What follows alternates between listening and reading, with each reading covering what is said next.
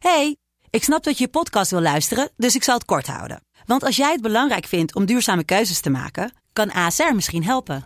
Nou hoor ik je denken, hoe dan? Nou, bijvoorbeeld bij het duurzaam herstellen van schade. Of de premies die we beleggen volgens ons duurzaam beleggingsbeleid. Dat bepaalt waar we wel en juist niet in investeren. Wil je meer weten over welke duurzame keuzes ASR maakt? Ga dan naar asr.nl slash duurzame keuzes. ASR doet het. Zo, dan kan je nu lekker naar je podcast luisteren. Hey, ik snap dat je je podcast wil luisteren, dus ik zal het kort houden. Want als jij het belangrijk vindt om duurzame keuzes te maken, kan ASR misschien helpen. Nou hoor ik je denken, hoe dan? Nou, bijvoorbeeld bij het duurzaam herstellen van schade. Of de premies die we beleggen volgens ons duurzaam beleggingsbeleid. Dat bepaalt waar we wel en juist niet in investeren. Wil je meer weten over welke duurzame keuzes ASR maakt? Ga dan naar asr.nl slash duurzame keuzes. ASR doet het. Zo, dan kan je nu lekker naar je podcast luisteren. Mand. Welkom bij de kortste podcast van Nederland, Mand. Vandaag gaan we het hebben over Het coronavirus.